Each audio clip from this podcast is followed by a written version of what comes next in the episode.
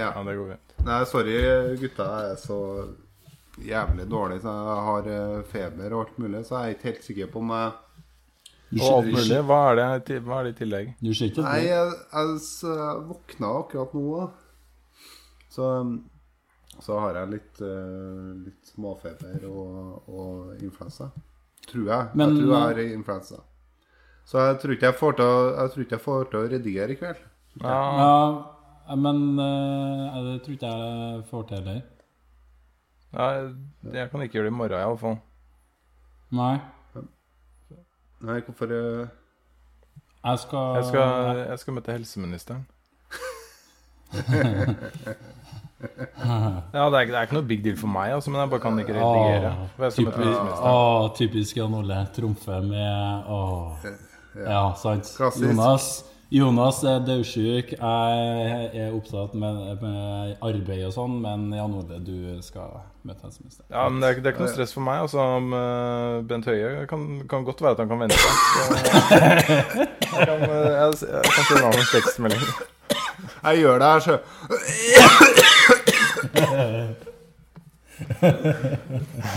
Ok, nei, men da, da Jan Jonas tar den. Det går bra.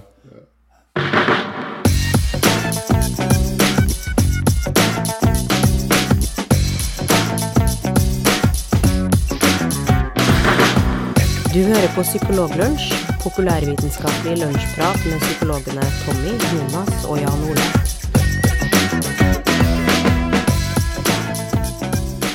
Velkommen tilbake til en ny episode med Psykologlunsj. Vi har kommet til episode 24, og eh, er, det er vår første episode eh, som vi um, legger ut etter at vi har gått inn i et litt sånn samarbeid med psykologisk.no og Scandinavian Psychologist, og det blir kjempespennende. Eh, Jeg heter Tommy Mangerud, og eh, med meg i dag har jeg som alltid Jonas Våg, som er litt grann småsjaber i dag, er ikke det, Jonas? Litt sånn småsjaber, ja, men, eh, men eh, eh, ja, ikke, Dere vil ikke merke det på, på lufta?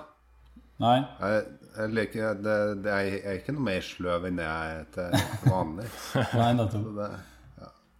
Ja, nei, men vi tar deg på ordet på det. Og så har vi eh, Jan Ole Hesselberg eh, med oss, og han er ikke dårlig. Han er i slaget. Er ikke det, Jan? Ja, eh, jo, jeg er slag, jeg. Og så skal jeg møte helseministeren i morgen, da. Ja, sånn by the way. By the way. kan, kan, kan du spørre ham om, eh, om sol, solhatt fortsatt er, er Ja. Det er jo faktisk derfor jeg skal møte han. Ja, det er det. Eh, for jeg skal spørre han om solhatt. Så jeg skrev en tekstmelding til han. Du, solhatt. Og så sa han ja, bare kom innom. Ja, altså. Sånn er det, og- ja, sånn er det Jeg tror jeg skal stille noen spørsmål om rosenrot og, og askeavkok i samme slengen. Ja. Vi gleder oss til det. Det blir eh, episode 25 av eh, Psykologlunsj. Det blir Jan Ole Hesselberg eh, diskuterer solhatt med Bent Høie. Um, men eh, apropos eh, psykologisk.no og Scandinavian Psychologist, som er det nye tidsskriftet som eh, leverer psykologisk kunnskap til folket, så har eh, du, Jan Ole, vår kjære Jan Ole, vært på den her eh, eh, lanseringsfesten, eller da, da liksom man åpna eh, selve nettsida. Eh, Jeg var på Ja, Ja. jeg var på party. Party? eh, Den 18. januar på Chateau Neuf i Oslo. Der samlet eh, representanter fra Psykologiforbundet seg, og folk som har vært involvert eh, i oppstarten av psykologisk.no, som alle bør besøke, som har blitt en veldig bra side. Mm. Og der var det også en prisutdeling av Ja. en helt fersk psykolog, eller psykologipris, da. Kan du si litt om den? For det var årets uh, nyvinning, var ikke det? Ja, Den kalles Årets nyvinning. Det er en pris som deles ut av eh, Psykologiforbundet. Ble delt ut første gang eh, i år. Som ble delt ut av en jury bestående av psykolog Fanny Duckert, som er dekan ved Universitetet i Oslo. Håvard, Håvard Brennryen, som har en master i psykologi. Og da undertegnede. Mm. Og valget vårt eh, falt på en eh, stiftelse som heter Green Nudge. Det er en eh, miljøstiftelse som bruker da bl.a. kunnskap fra psykologiens verden for å gjøre det lettere for folk å ta miljøvennlige valg. Den ledes av en forsker som er økonom, som også kommer fra Cicero, som heter Steffen Kalbekken. Og styrets eh, leder, det er Gunhild Stordalen, eh, altså kona til Petter Stordalen, som har vist eh, mye engasjement for miljøsaken. Mm. Og det er en ganske spennende stiftelse som gjør forskning og gjennomfører ting som er veldig i vår ånd da, her i Psykologlunsj. Ja, som gjorde at dere er landa på Greenwich som vinner. Dere diskuterte jo sikkert det litt fram og tilbake. Ja, vi diskuterte det litt. Vi var veldig fornøyde da vi landa på det. Så det var ikke sånn veldig mye diskusjon da vi først plukka ut de. Men det, som, det de gjør, er jo å implementere psykologisk kunnskap da de bruker eh, psykologisk forskning. Og så setter de det ut i livet. En ting de har gjort, bl.a., er jo å gjennomføre et litt større prosjekt hvor de har eh, testet ut eh, tallerkenstørrelser i Choice-kjeden. Oi. De har jo ganske god tilgang da, til Choice-kjeden, siden uh, Gunhild Stordalen sitter der som styreleder. Mm. Og Da de reduserte tallerkenstørrelsen, så fant de ut at uh, matavfallet ble redusert med noe rundt uh, 25% hvis jeg ikke tar alt uh, for feil. Eh, og det handler jo litt om at vi mennesker vi er ikke så gode på å vurdere hvor sultne vi egentlig er. Det, vi baserer oss ikke bare på følelsen vi får fra kroppen, vi baserer oss også på hvor mye mat eh, som eh, ligger på tallerkenen. Når vi har store tallerkener med mye mat, så, så spiser vi mer. Men da ender det også med at mer mat kastes, da. Mm. Ja. Så de reduserte både matforbruket og matavfallet der. Og det er ganske betydelige besparelser, da, både for miljøet og for, eh, for Choice-kjeden. Mm. ja. Et av, et av det, det du nevnte sist der, var jo et av rådene eh, Et av nyttårsforsett-rådene til Richard Wiseman et sånt videoklipp. Siste videoklippet hans. Oh, ja, det, kan, det? det, det kan vi legge ut på shownotes. Ja, det stemmer. Det så jeg. Ja, ja det er kjempemorsomt. Det er veldig Da morsomt. syns jeg også vi skal legge ut en uh, link til en studie som er ganske legendarisk, hvor de har uh, gitt folk uh, suppeskåler som er utømmelige. Som blir fylt opp med mer suppe fra bunnen av. For å se om det påvirker hvor mye suppe de spiser. Og det gjør det. det de, folk spiser veldig mye mer suppe. Noe som viser at mengden mat vi spiser, bestemmes av veldig mye mer enn av hvor sultne vi føler oss. Mm. Ja. Det er morsomt. Var det bra fest da, Jan Ole? Du, jeg eh, tok det ganske rolig, så jeg dro ganske tidlig. Før eh, folk eh, begynte å bli altfor feststemte. Ja. Jeg er jo som kjent ikke glad i feststemte mennesker. Mm. Nei, det er sant. Sånn er det. Nei, du får ta det neste gang, da. Neste år så får uh, jeg og Jonas bli med òg. Ja, dere var jo ikke der. Det er jo ikke kanskje derfor det ikke ble Det er eh, sant. så veldig mye fest. Sånn er det. Men uh, det har skjedd mer spennende ting uh, siden forrige episode. Du, kjære Jonas, har vært og ytra deg litt i media, du òg, ikke det? Eh, ja. Eh, egentlig så ble jeg, ble jeg spurt om å være med på en, eh, på en kronikk. Det var egentlig kommunepsykolog Heidi Tessan, heter hun. Mm. fra Skedsmo kommune. Hun er veldig sånn eh, fremtredende blogger og, og sånn på Psykologforeninga si, si hjemmeside, blant annet. Eh, hun spurte om jeg ville være med å skrive en, eh, en kronikk om, eh, om et fenomen som de hadde reagert på i, i Rogaland. Uh, for i Rogaland så hadde det vært en frontkollisjon på nyttårsaften. Uh, og i forbindelse med det så var det, veldig, var det mange som kjørte forbi. Ja. Tilsynelatende uten å bry seg om, om hendelsen. Eller i hvert fall sånn, det virka ikke som de De stoppa i hvert fall ikke og, og assisterte. Eh, Og så ble det en del nyhetssaker i etterkant om det. Hvorfor er det slik at folk ikke stopper opp? Og, eh, og en del også eh, Noen reagerer jo med avsky at, at dette her skal ikke også, man er også pliktig til å stoppe. Sånn at lovmessig så skal man stoppe og assistere. Og så er det jo Det rører jo ved noen grunnfølelser også, så vi skal ikke eh, la folk være igjen eh, i, i en kritisk situasjon. Og så er det kanskje litt sånn, Når man leser om det, så tenker man veldig fort at eh, det hadde jeg aldri kommet til å gjort. på en måte, At det, det er ingenting ved meg som kunne ha fått meg til å kjøre videre. Men eh, dere kikka jo litt på at det kan jo være noen sånne forklaringer på at, på at man går, eh, kjører videre likevel. Ja. Altså, altså, vi ville ikke eh, skrive en kronikk som, eh, som, eh, som nødvendigvis starta med, med fordømmelse, men mer ha, en, ha et utgangspunkt i hvordan kan det være menneskelig å unngå noe som er ubehagelig? Mm. hvor vi da satte i kontekst at hvis du, hvis du møter en ulykke, så kan en naturlig reaksjon være at det, denne type situasjon har du ikke vært borti før. Og hvis du ender opp i en situasjon du ikke har vært borti før, eh, så er det mest sannsynlig at du kjenner at eh, hjertebanken øker, du puster litt fortere, eh, du reagerer med, med angst. Eller eh, i hvert fall en type engstelsesfølelse. Panikk, kanskje. Kanskje ikke alle gjør det, men, eh, men eh, det er i hvert fall naturlig å ha en sånn type reaksjon hvis man ikke har vært borti en sånn situasjon før. Man er i villrede, rett og slett. Eh, Sånn at, sånn at det at man kanskje eh, kvepper til, da, sånn som vi sier i, i Trøndelag, og kjører forbi, det kan være en naturlig reaksjon. Men så er jo det man gjør i etterkant, hvor man da forsøker å ras ra rasjonalisere hvorfor man gjorde det i det hele tatt.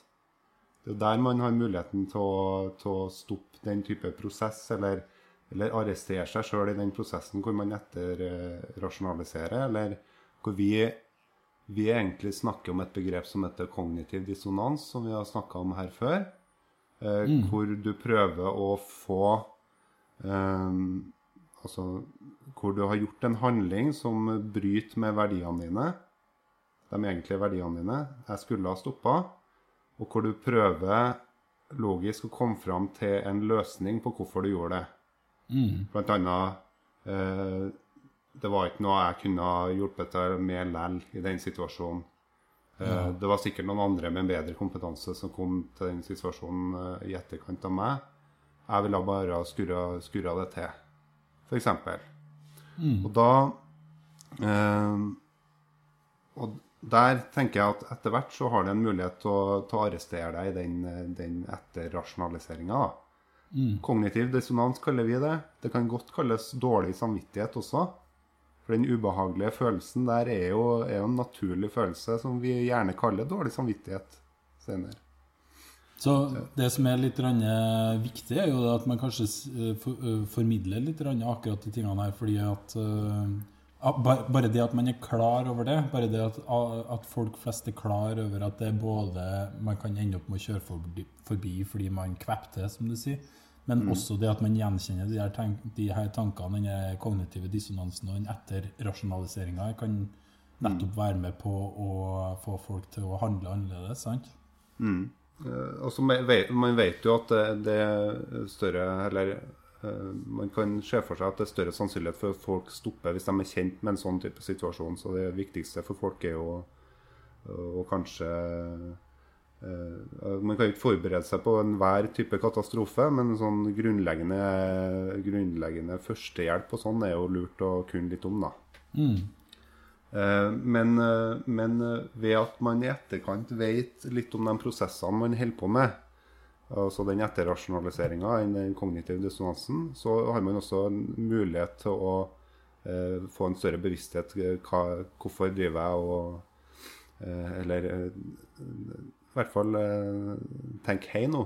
Hva er det jeg holder på med nå? Eh, nei, kanskje det er fornuftig at jeg kjører tilbake likevel.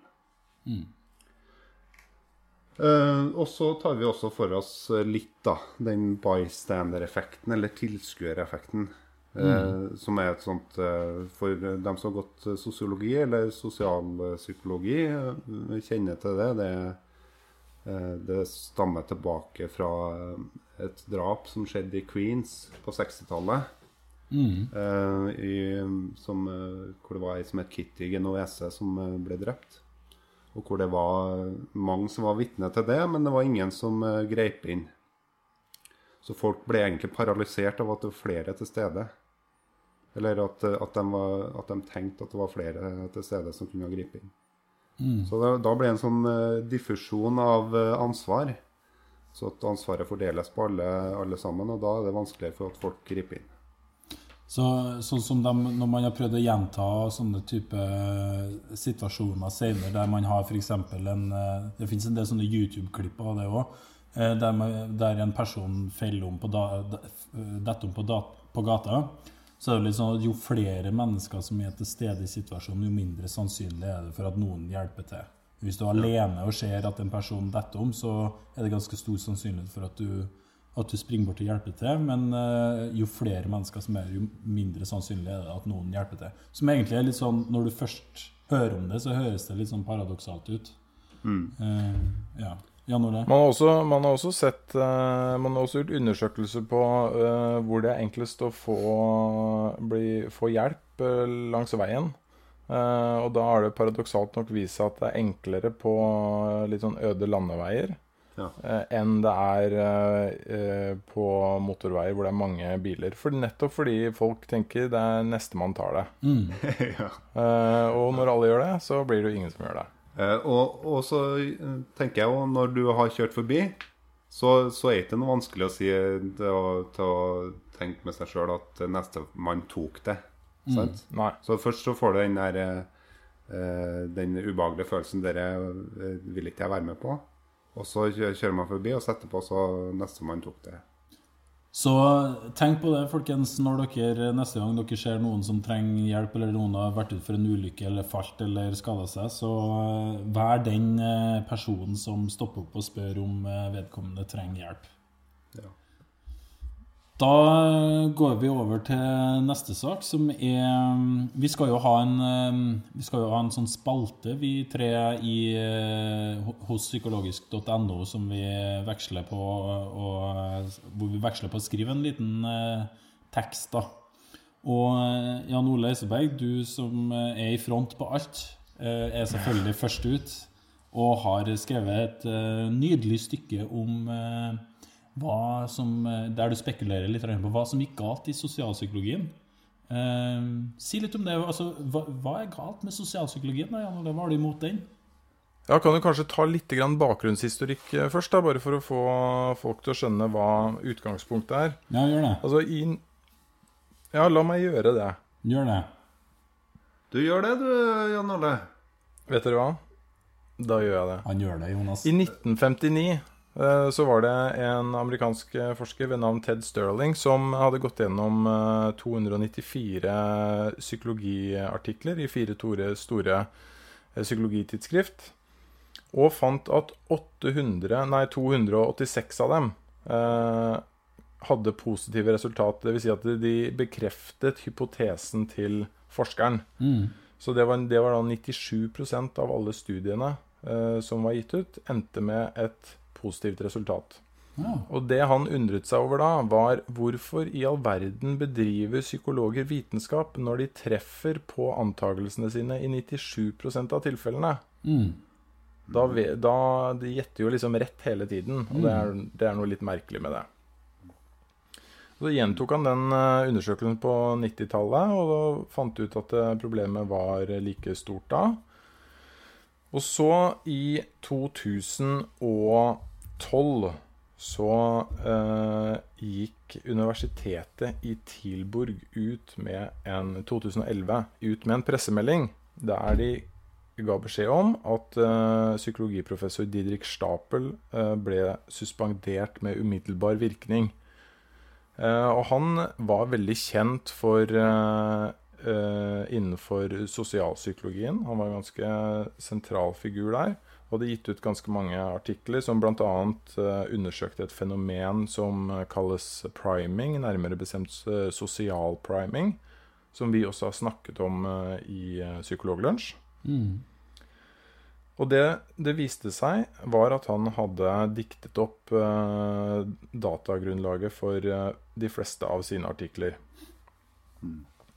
Og eh, det i seg selv er jo ikke Det er ikke rart at det dukker opp eh, historier om forskningsjuks, men det som eh, disse eksemplene som jeg har sagt nå, belyser ved psykologien, er at det er noe det er noe litt rart med forskninga, fordi den gjentas ikke i noe særlig stor grad. Spesielt ikke i sosialpsykologien.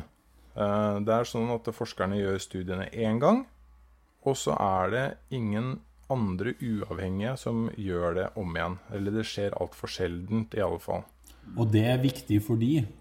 Hvorfor må man gjøre For det høres litt rart ut som du sier når man først har funnet ut at noe er på, at det er en sammenheng mellom et eller annet. Hvorfor skal man gjøre det om igjen, da?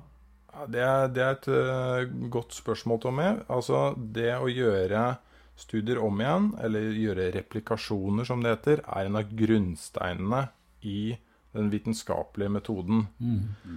Fordi det har seg sånn at hvis man gjør ting bare én gang, så er, kan man ikke være sikker på at det er et resultat av tilfeldighet eller juks eller bare litt småtriksing med data, f.eks.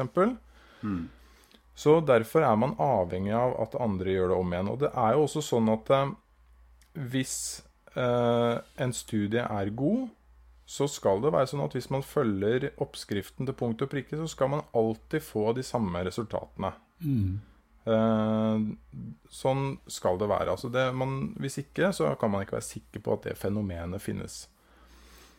Og Problemet til psykologien har vært eh, at veldig mange studier ikke gjøres om igjen. Og da kan man ikke heller være sikker på om de funnene som man har fått, stemmer. Nettopp. Og eh, Problemet i psykologien har jo da vært at man har bygget veldig en god del teorier eh, på studier som bare har vært gjort én gang, og som man ikke kan være sikker på om stemmer. Og det, det er et problem. Eh, Men det, det Kanskje er det et litt sånn Ja, men det er jo så kjedelig fenomen òg. Ja, Det, det starter på, på forskernivå. Eh, skal vi gjøre eh, eksperimentet med eh, Hvorfor eh, går ikke folk på bussen og eh, eh, snubler med vilje-prosjektet? Nei, men det er jo så kjedelig. Det er jo gjort før. Eh, og, så, og så har man gjort ferdig den eh, Og så går man til veilederen sin spør om eh, kan jeg gjøre det. Så sier veilederen nei, men det er så kjedelig. Så sier reviewerne nei, Ja. det er så kjedelig. Vi vet jo hva man har sagt før. ja, blir ikke noen nobelpris ut av det? gjøre Nei, det blir andre ikke det. Og det, har jo, det er jo utvilsomt et sammensatt problem. For ja, det er kjedelig. Altså, du får ikke noe stor forskerkarriere hvis du bare gjør andres forskning om igjen. Nei. Da får du ikke da, Du blir ikke noe særlig kjent. eh, Og du får ikke noe særlig midler til forskningen din. Og det er ikke sikkert at du klarer å få de på trykk heller i tidsskriftene du ønsker, for de syns heller ikke det er noe morsomt. De tjener heller ikke noe penger på å trykke masse uh, studier som eh, er uh, gammelt nytt. Nei. De tjener jo penger på å trykke nye spektakulære eh, studier. Ja. Så det, det er forståelig at det ikke har skjedd så mye, men det er like fullt et veldig stort problem. Og i lys av denne skandalen med han Didrik Stapel eh, og et par andre større skandaler, så er det noen som har prøvd å gjøre noe med det her i psykologien. Det er opprettet bl.a. en eh, nettside som heter psychfiledrawer.org, eh, som samler opp eh, replikasjoner eller studier som er gjort om igjen, hvor man kan ha en slags database. Og så er det The Association for Psychological Science har eh, gått ut og sagt at vi skal jobbe for å få sånne artikler på trykk. Det vektlegger vi. Men det største og kuleste prosjektet er noe som det kalles The, Reproducibility Project, som er egentlig et sånn grasrotprosjekt. Startet av eh, 150 forskere over hele verden, eller i hvert fall 150 som er med, og som eh, finansieres gjennom eh, crowdsourcing. Ja. som skal gå gjennom alle artiklene som er publisert i tre store psykologiske tidsskrift i 2008, og gjøre de på nytt igjen. For å få en slags sånn eh, baseline, eller et grunnlag for å si hvor stor andel av psykologistudiene kan vi egentlig stole på. Og vet dere Der har de jeg har gått gjennom nå uh, hva de gjør for noe. Uh, eller har gjort. Uh, Der har de gått gjennom 19 sånne replikasjoner, eller studier som er gjort på nytt igjen. Og vet dere hva resultatet av det er? Sikkert ikke full klaff eller full uttelling på de, vil jeg gjette på. Ikke full klaff, nei. Det er sånn at av de 19 så er det bare fem av dem som har fått tilsvarende resultat som i originalstudien. Ja. Men tilsvarende er, det Det kan hende at det er signifikant likevel, eller har en viss effektstørrelse, men, eh, men ikke lik Nei. Nei, altså det er, det er fem av de som har fått forskjell. Ja. Altså Oi. har fått i den retninga som, Ja. er, som var i den samme som originalstudien, men to av dem med vesentlig svakere resultat. Og Ja. 14 av dem, Ingenting. 14 av de 19, endte med at det ikke var mulig å finne statistisk heller engang Mm. den forskjellen som ble funnet i originalstudien. Kje- men, men akkurat det må jo være artig å publisere. Akkurat det når, når, når du sa det var sånn, men vi har funnet ut at det ikke er sånn. Men nå er jo utfordringa at det kommer en tredjemann med Han må jo finne opp noe nytt, Ja. eller komme med, kom med en annen nyhet.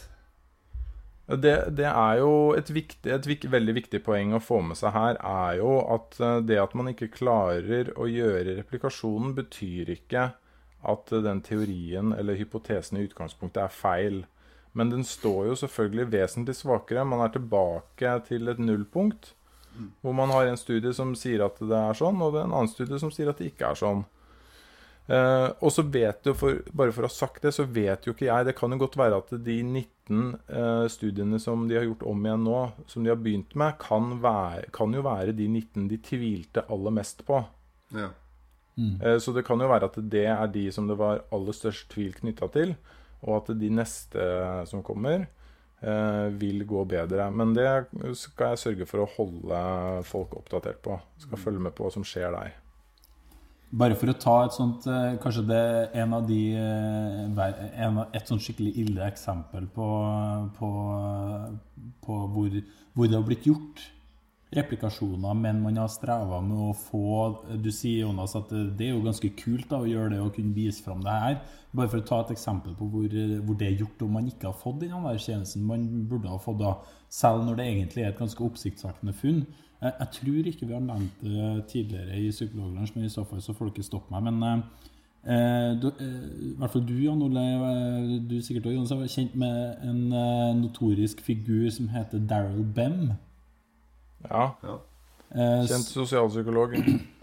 Han, eh, han I 2011 så gjorde jo han en rekke med eksperiment som, eh, som han fikk positive resultat på, da, som, som på en måte tyda inn, som, som ga inntrykk av at noe som heter eh, sånn prekognitive sansning, eller det å kunne være synsk, egentlig, da, eksisterer.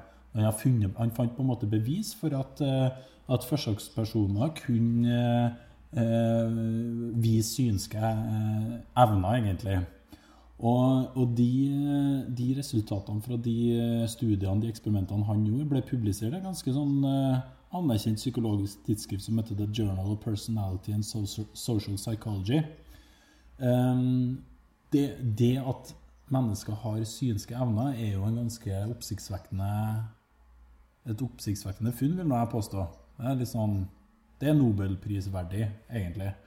Um, og så var det da nevnte Richard Wiseman, som du nevnte i stad, Jonas, som da gikk ut og gjentok de studiene og fant ingen effekt. Altså, Han greide ikke å finne igjen de resultatene som eh, Bem hadde gjort. Han fulgte oppskrifta helt til punkt og prikke, og fant ikke at noen av de her personene hadde noen synske evner. Og han fikk ikke Han strevde ganske lenge med å få The Journal of Personality and Social Psychology til å anerkjenne og publisere sine resultat, og trekke tilbake de resultatene som Bem hadde fått publisert tidligere. Og Og den, den, ja, den første responsen eh, til tidsskriftet, hvis jeg ikke tar helt feil, mener jeg å huske var at nei, vi trykker ikke replikasjoner. Vi trykker ikke replikasjoner sjøl om det på en måte på, kan være med på å forandre eh, hele den fysiske, alle fysiske lover vi kjenner omtrent. Tiden går Ja, plutselig bakover. og det er jo, det er jo Et tidsskrift kan jo ikke si noe sånt, siden det, dette her er jo en helt sentral del av den vitenskapelige metode. For at den skal funke, så må tidsskriftene også trykke det. Det er en, egentlig en skandale at han fikk den tilbakemeldinga først. Men de trykka han jo til slutt, da. De trykka han til slutt, men eh, det var ganske pinlig en god stund, og litt flaut. Så, men det var bra det ordna seg til slutt. da. Men det sier noe om det, som du sier, Jonas, at det burde jo liksom burde jo få litt annen anerkjennelse egentlig når man driver på med sånt, men det trenger det ikke nødvendigvis å være. da, for at eh, Man er jo litt sånn ute etter de her de her eh, fantastiske funnene og oppdagelsene, og ikke nødvendigvis de her kjedelige replikasjonene. Og det, apropos de fantastiske funnene, så er det jo eh, som sagt en av de tingene som har fått mm, gjennomgå mest eh, i det her oppvasken innenfor psykologien nå, er jo det fenomenet priming. Eh, og, og som har blitt kjempepopulært. Det handler jo bl.a. om at du blir påvirket av veldig, veldig små ting som du ikke merker at du blir påvirket av. Og så påvirker det da atferden din i en situasjon etterpå. Noen ord du leser om gamle folk, gjør at du går saktere eh, noen minutter eh, senere, f.eks. Det er en studie som eh, viste. Hvor har jeg hørt det før? Hvor du har hørt det før? Ja, hvor har jeg hørt det, Det før? har du Ja, ja, ja.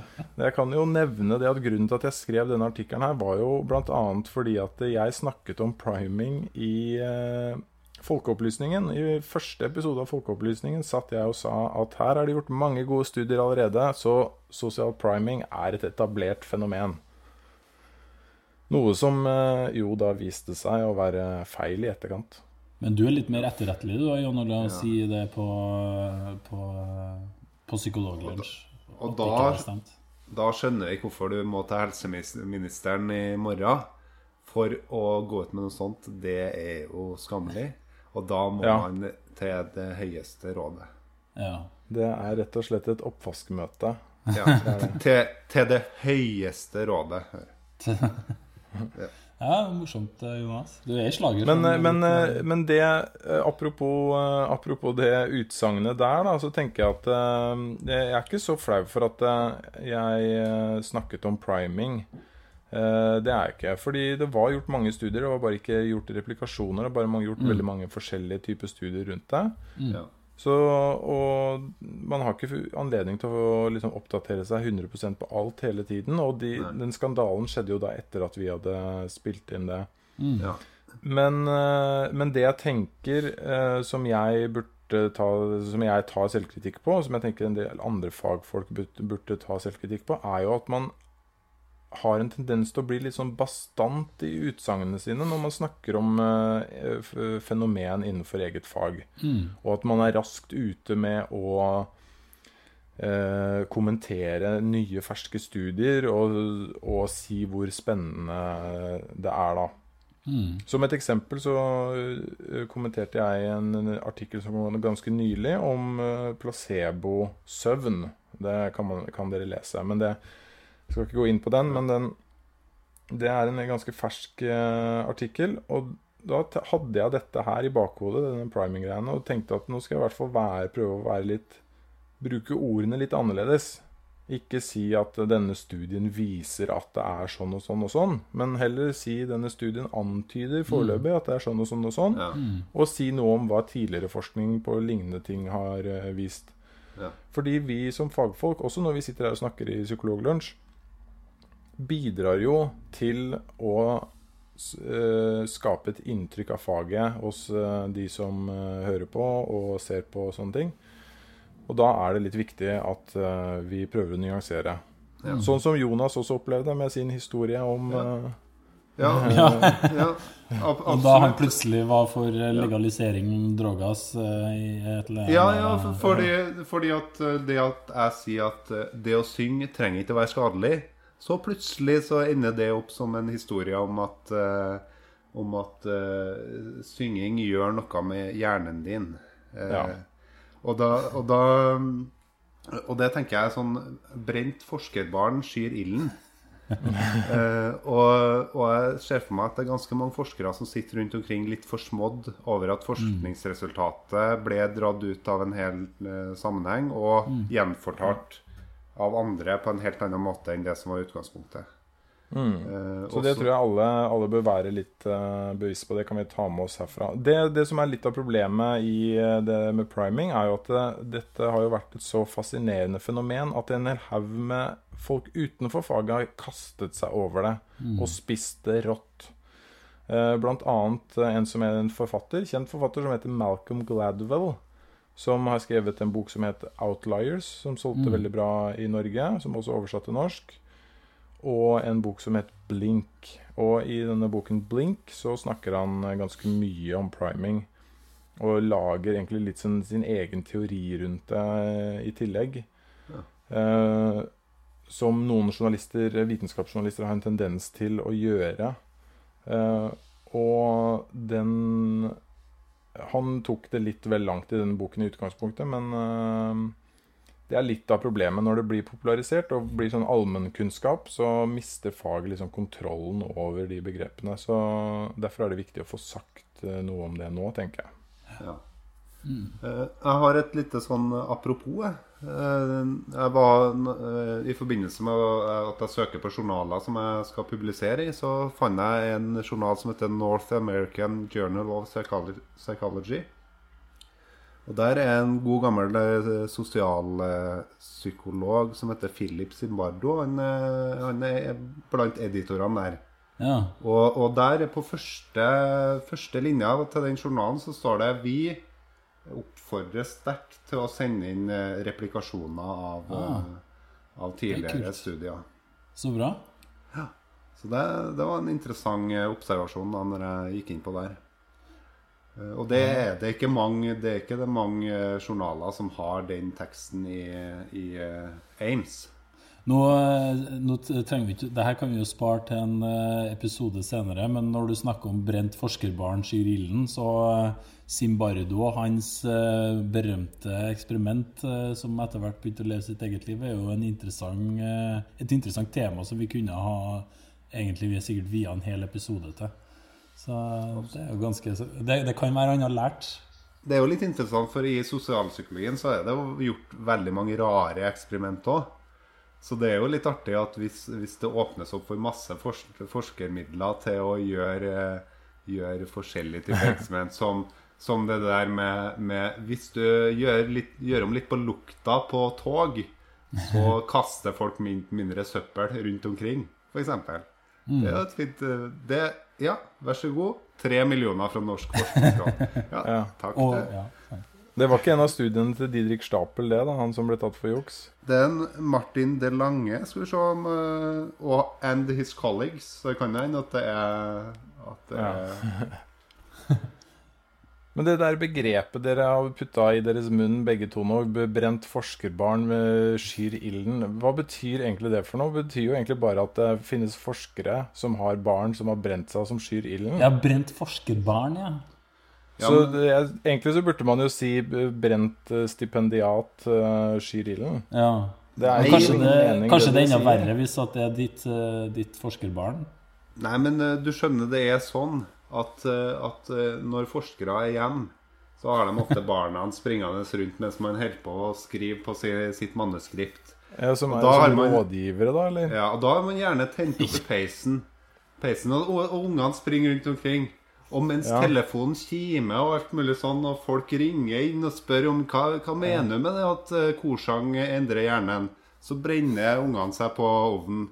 Så Ja. egentlig, det var, det, var i, det var i konkret betydning. Det var det var Eller så kan man jo tenke seg at uh, forskere uh, som mister litt kontrollen over uh, sine egne utsagn, sånn som du gjorde, ender opp med å brenne barna sine. Og det er jo ikke et godt bilde. Jeg syns at dere bør rydde opp i den, eh, det bildet dere prøver å skape der.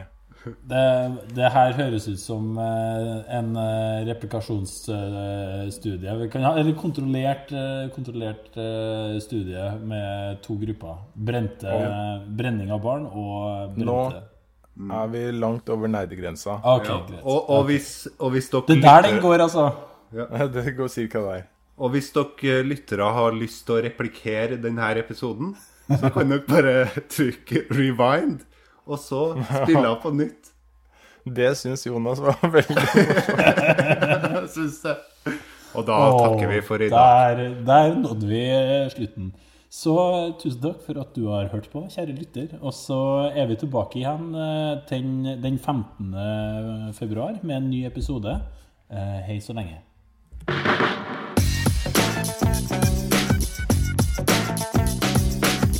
Du har nå lytta til Psykologlunsj. Har du noen spørsmål, kan du søke opp Psykologlunsj på Twitter, eller du kan sende en e-post til psykologlunsj Mer informasjon om temaet du har hørt i dag, finner du på psykologibloggen.no og tankesmed.no.